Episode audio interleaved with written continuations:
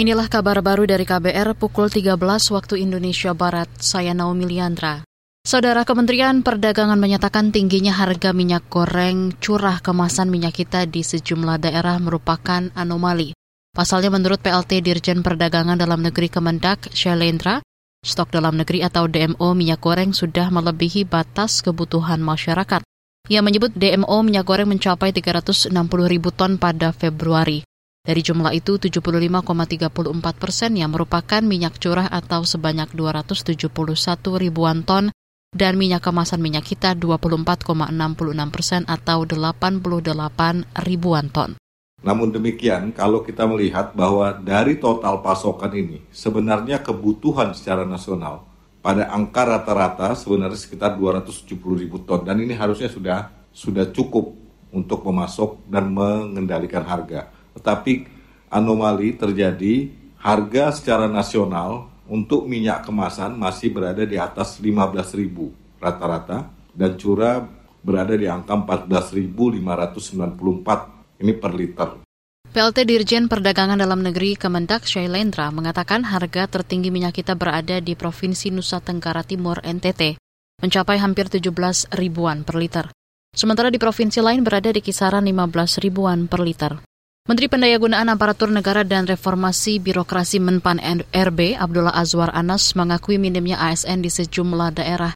Namun tidak meratanya distribusi ASN itu menurut Abdullah bukan lantaran minimnya jumlah ASN.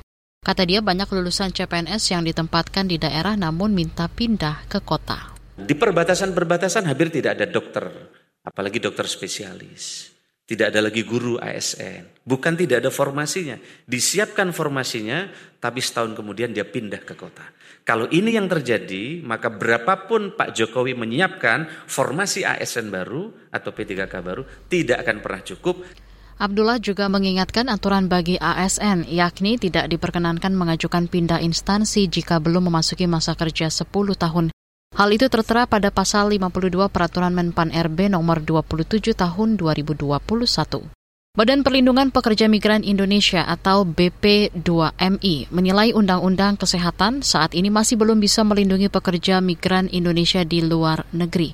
Salah satu yang masih menjadi masalah adalah prosedur berobat pekerja menggunakan BPJS.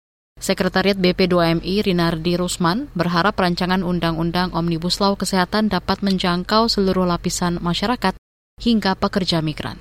Jadi kalau misalnya ada yang sakit di luar negeri, mereka mungkin mau menggunakan iuran yang sudah mereka iur setiap uh, bulan itu ke Indonesia, mereka harus pulang dulu ke Indonesia, baru bisa berobat, baru mereka balik lagi ke luar negeri. Nah kira-kira gitulah keterbatasan dari interpretasi uh, yang ada di dalam undang-undang uh, kesehatan tersebut.